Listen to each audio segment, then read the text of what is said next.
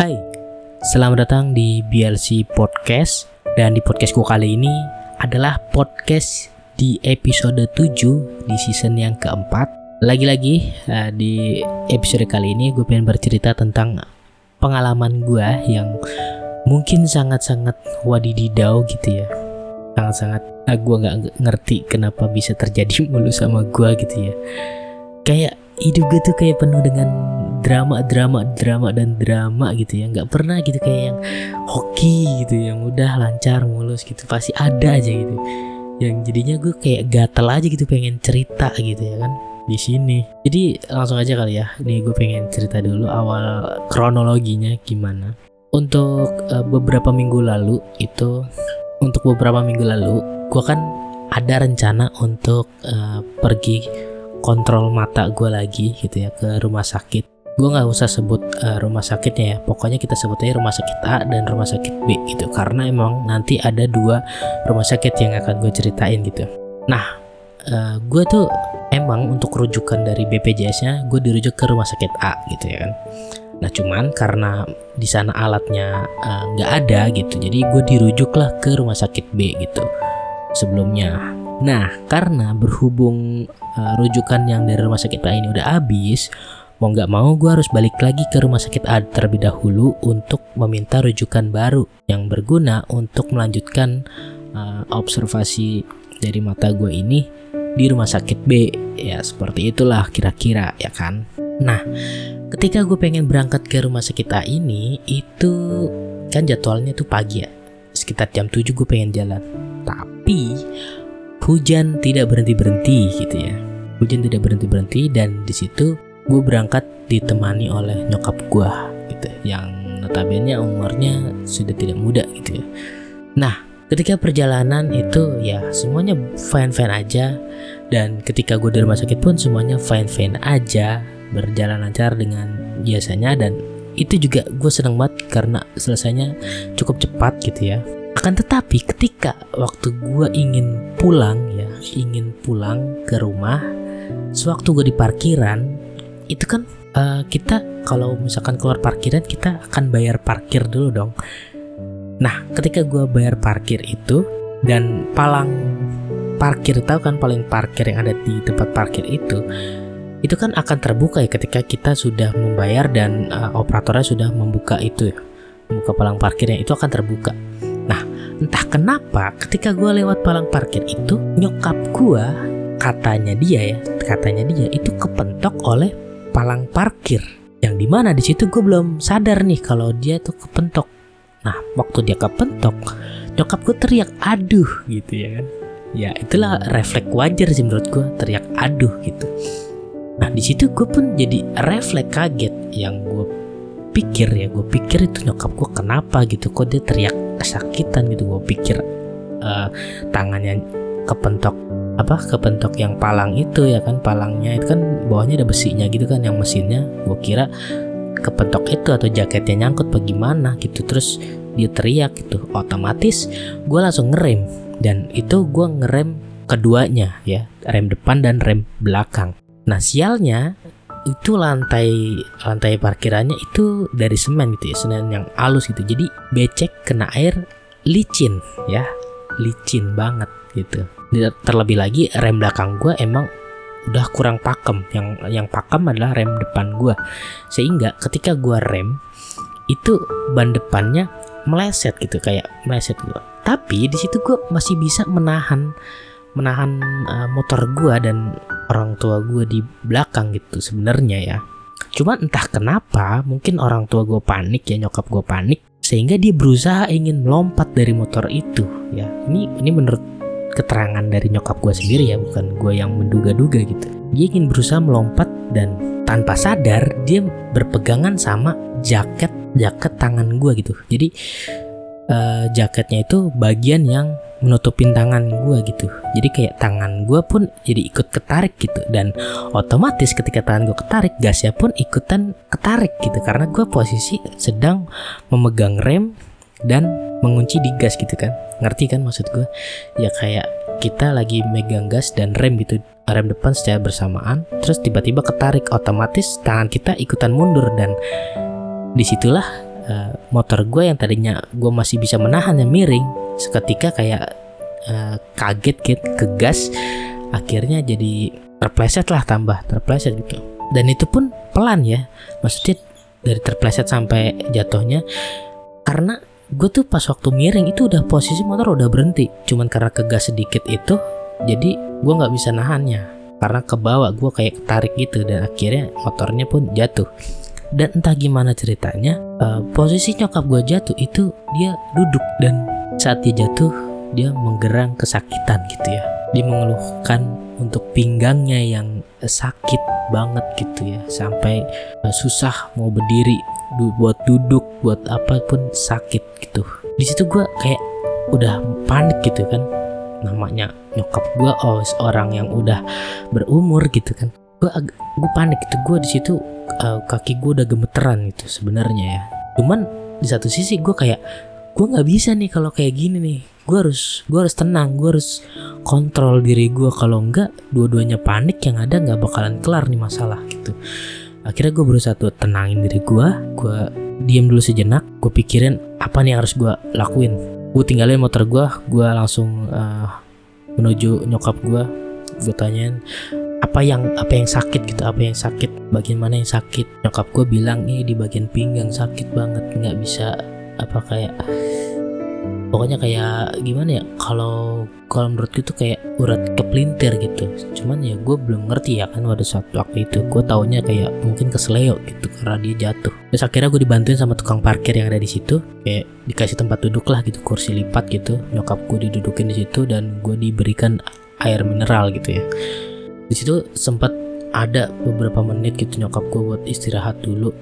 Yang tadinya nyokap gue tuh kayak udah ketakutan banget dia yang wah nggak bisa nih naik motor nih nggak bisa nih kayak gini ini sakit banget. Tapi gue berusaha untuk tenangin dia berusaha untuk kayak meyakinin dia udah nggak apa-apa ayo pelan-pelan nanti uh, kalau misalkan di sini terus malah nggak bisa diobatin gitu. Akhirnya uh, eh, gue bujuk-bujuk dia mulai berani gitu ya mulai berani.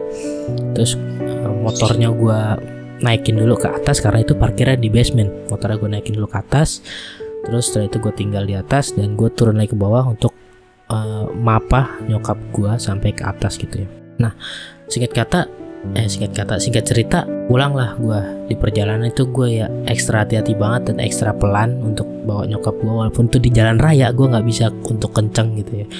Karena dia kesakitan banget ketika duduk aja itu udah kesakitan banget gitu. Terus uh, eh, gue bilang nyokap gue ini gimana? Apa mau diurut aja langsung? gitu. Terus akhirnya nyokap gue yaudah coba nanti mampir. Karena emang di dekat tempat gue emang ada tukang urut langganannya kakak gue gitu.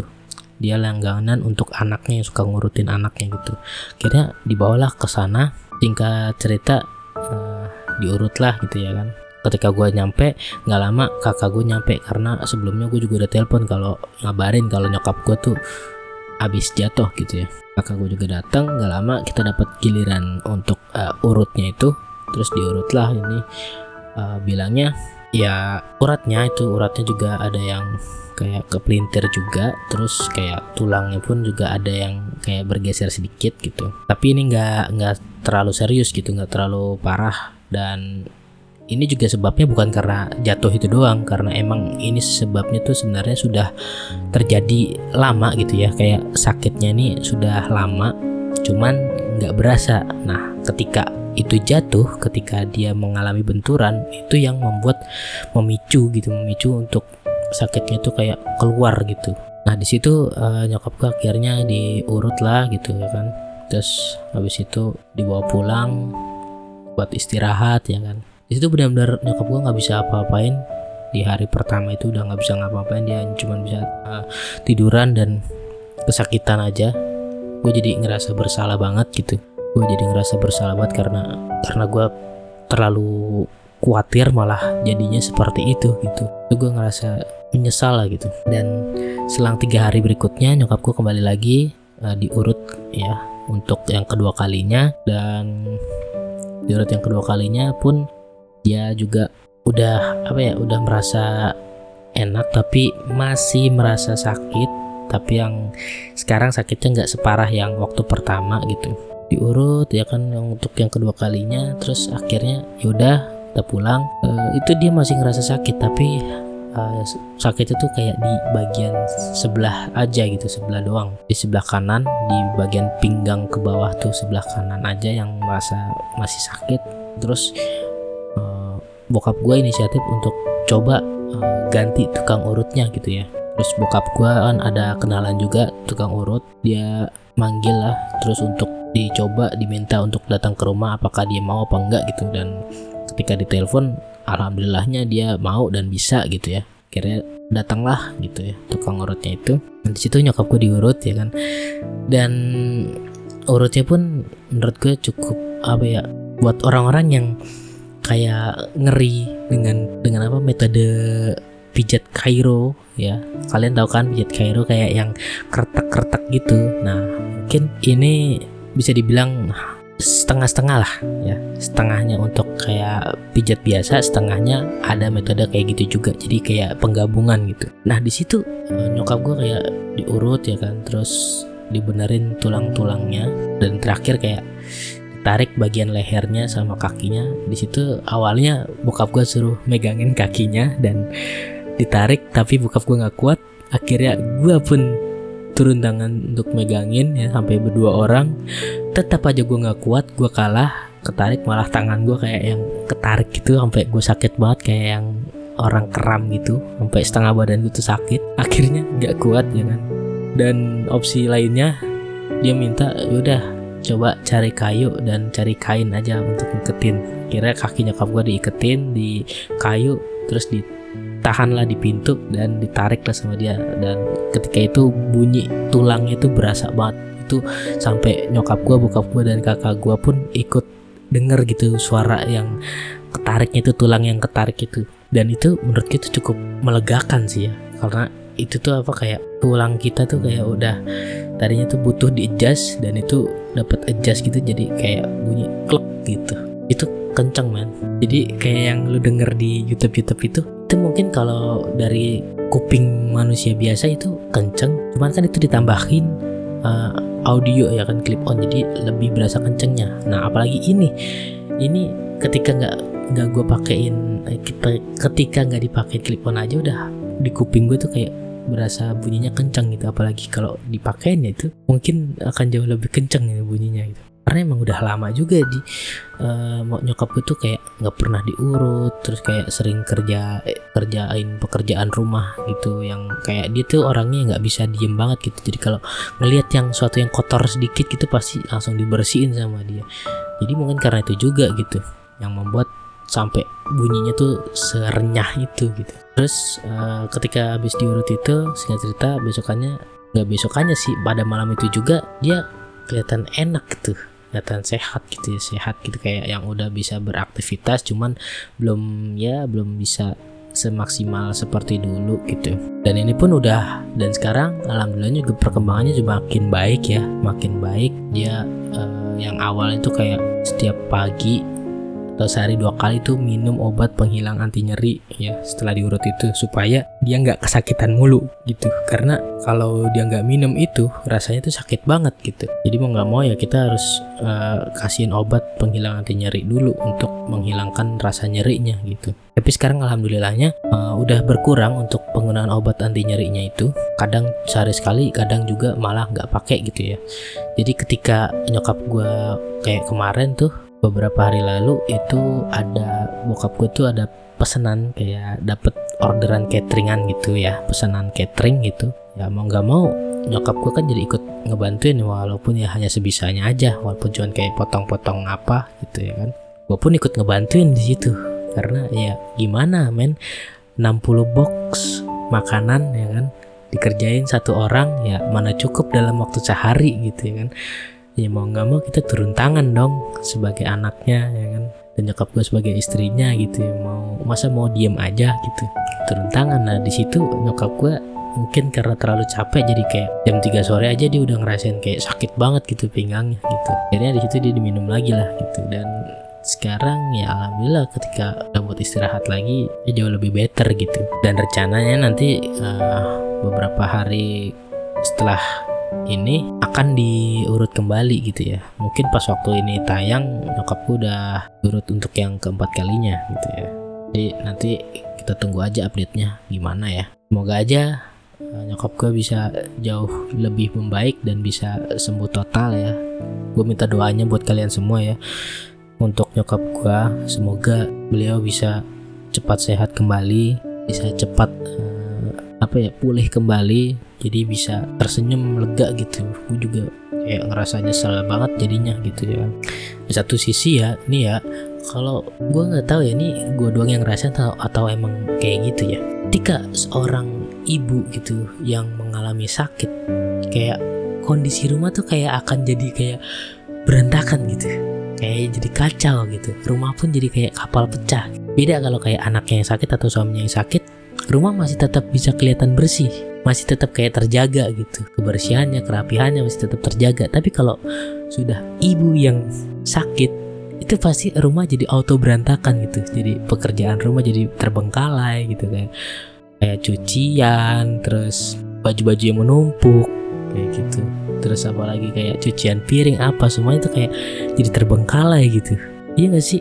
Kayak gitu gak sih? Apa cuman gue doang yang ngerasain kayak gitu? Karena itu yang gue rasain men. Ketika nyokap gue itu sakit otomatis semuanya tanggung jawabnya melimpahnya ke gue gitu. Kayak dari cuci baju cuci piring terus jemurin pakaian ngangkatin pakaian ngelipetin apa semuanya tuh kayak jatuhnya ke gue karena karena yang di rumah ya cuman gue sama nyokap gue gue yang ngejagain dia juga gitu.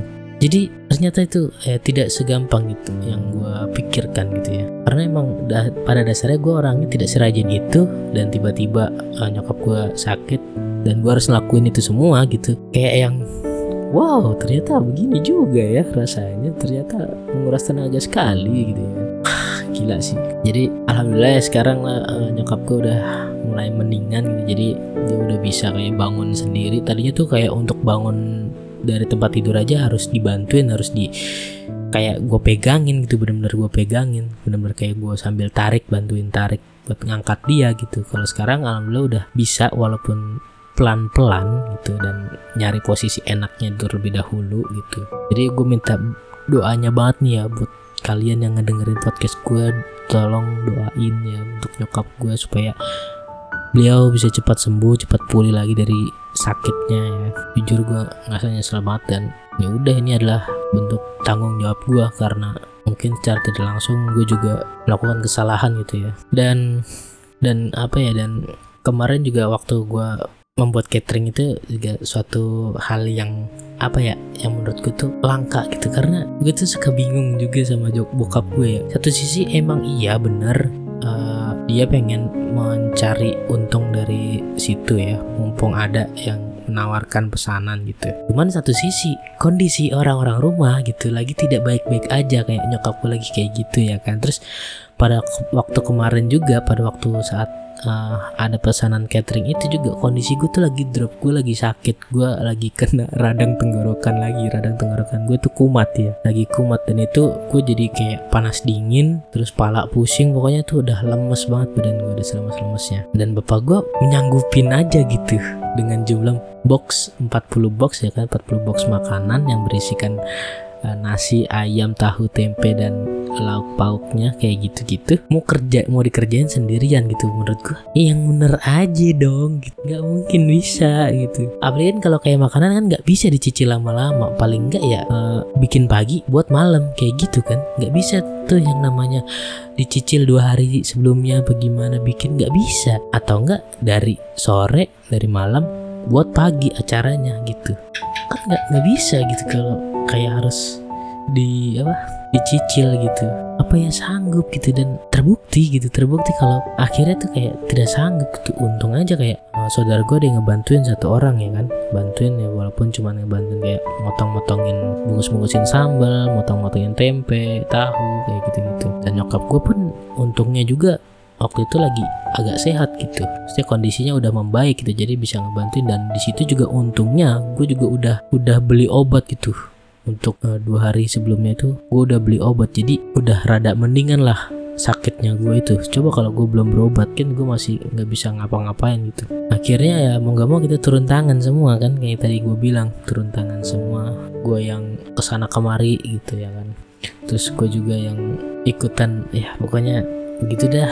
Susah untuk dijelaskannya juga. Pokoknya intinya tuh ribet ribet banget riweh. Dan kayak kita tuh kayak dikejar-kejar waktu banget gitu loh. Waduh nih udah jam berapa udah jam berapa udah jam sekian tapi belum kelar gitu. Udah sore nih belum kelar gitu. Di situ gue kayak udah pesimis gitu kan. Tapi alhamdulillahnya kelar pesanan bisa terselesaikan walaupun ada satu kotak yang kurang.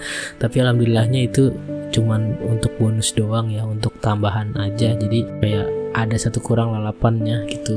Dia kehabisan karena bokapku juga emang sebelumnya belum pernah bikin-bikin kayak gituan gitu. Jadi belum bisa memprediksi uh, berapa sih yang diperlukan itu bahan-bahannya gitu banyaknya seberapa gitu belum bisa gitu. Jadi itu adalah buat pelajaran gitu ya buat pelajaran uh, ke depannya lagi gitu untuk mengambil kalau ingin mengambil pesanan kayak gitu ya makanan terutama. Harus benar-benar memperhitungkan nih detailnya untuk pesanannya berapa dan modalnya berapa. Jadi nanti kita dapat untungnya berapa gitu. Kita harus benar-benar teliti gitu ya benar-benar dihitung gitu jangan yang asal aja. Kalau asal aja ya jadinya ya bisa sih untung tapi mungkin sedikit atau bahkan bisa menjadi rugi gitu ya. Dan itu pelajaran juga buat gua gitu ya. Ya selebihnya selebihnya ya biasa aja sih cuman ya begitu begitu aja. Dan itu yang paling memorable ya yang paling kayak bikin gue kenapa ya gitu ya kayak ada aja ujiannya yang harus gue lewatin harus gue jalanin gitu kayak nggak bisa pas sekali sekali tuh kayak yang gue hoki gitu kayak lurus lempeng aja gitu lancar gitu kayak jalan tol gitu. Ya ya udahlah tapi mau gimana lagi namanya? Manusia tidak lepas dari ujian dan cobaan gitu ya. Kita hanya bisa bertawakal sabar dan terus lagi-lagi kita harus berusaha gitu untuk melalui itu semua. Kita sanggup atau tidak gitu ya kan namanya lagi diuji gitu ya kan. Oke mungkin uh, sampai di sini dulu aja kali ya untuk podcastnya. Thank you banget buat kalian yang udah mau mendengarkan podcast gue kali ini. Mohon maaf banget nih kalau misalkan uh, eh, gue ngomongnya kayak kecepatan atau nyerocos terus atau gimana. Karena ya emang ini yang dari kemarin tuh sebenarnya gue pengen obrolin gitu pengen omongin di podcast ini. Cuman emang waktunya belum sempet ya. Dan baru sekarang baru bisa karena ini baru sekarang gue baru bisa istirahat ya. Dari kemarin-kemarin tuh gue sibuk banget sampai kayak gue bikin konten YouTube aja itu sampai terbengkalai. Terus kemarin baru gue bikin satu video itu juga videonya pendek nggak panjang. Dan ternyata setelah gue upload gue baru sadar kalau gue tuh udah pernah bikin video kayak gitu sebelumnya tapi itu gue bikin lagi kan? Black ya. Saking gue nggak merhatiin itu dan banyak banget sebenarnya komen-komen di YouTube gue yang belum gue balas-balasin karena gue, memang sibuk kemarin-kemarin tuh sibuk nggak nggak bisa untuk kayak fokus main HP gitu atau fokus mikirin yang lain gitu. Kayak yang gue pikirin adalah uh, kenyamanan nyokap gue dulu nih biar gimana biar dia tuh biar bisa tenang dulu nggak yang kesakitan lagi kesakitan lagi. Terus gue juga sibuk kan ngerjain pekerjaan rumah jadinya jadi nggak bisa yang berlama-lama untuk main HP gitu. Sampai kadang-kadang uh, yang biasanya gue tiap malam tuh keseringannya gue teleponan sama cewek gue pun akhirnya itu nggak bisa. Gue kadang ketiduran ketika gue lagi telepon pun gue kadang ketiduran atau sebelum telepon gue bilang nggak telepon dulu ya hari ini ngantuk banget gitu. Gue capek. Ah ya kayak gitulah pokoknya. Jadi buat kalian yang mungkin bernasib sama kayak gue ya sabar aja gitu ya. Karena kalian lagi diuji gitu ya. Entah itu ujiannya apa pun ya kita harus bisa sabar tawakal dan berusaha gitu. Karena gue yakin suatu hari nanti sabaran kita usaha kita itu bakal ada bayarannya gitu bakal ada ganjarannya gitu ya. Jadi kita harus bersabar gitu. Oke guys mungkin sampai sini dulu aja untuk podcastnya. Thank you banget yang udah dengerin sama ini. Dan kita bertemu lagi di podcast berikutnya. See you on the next podcast guys. Bye bye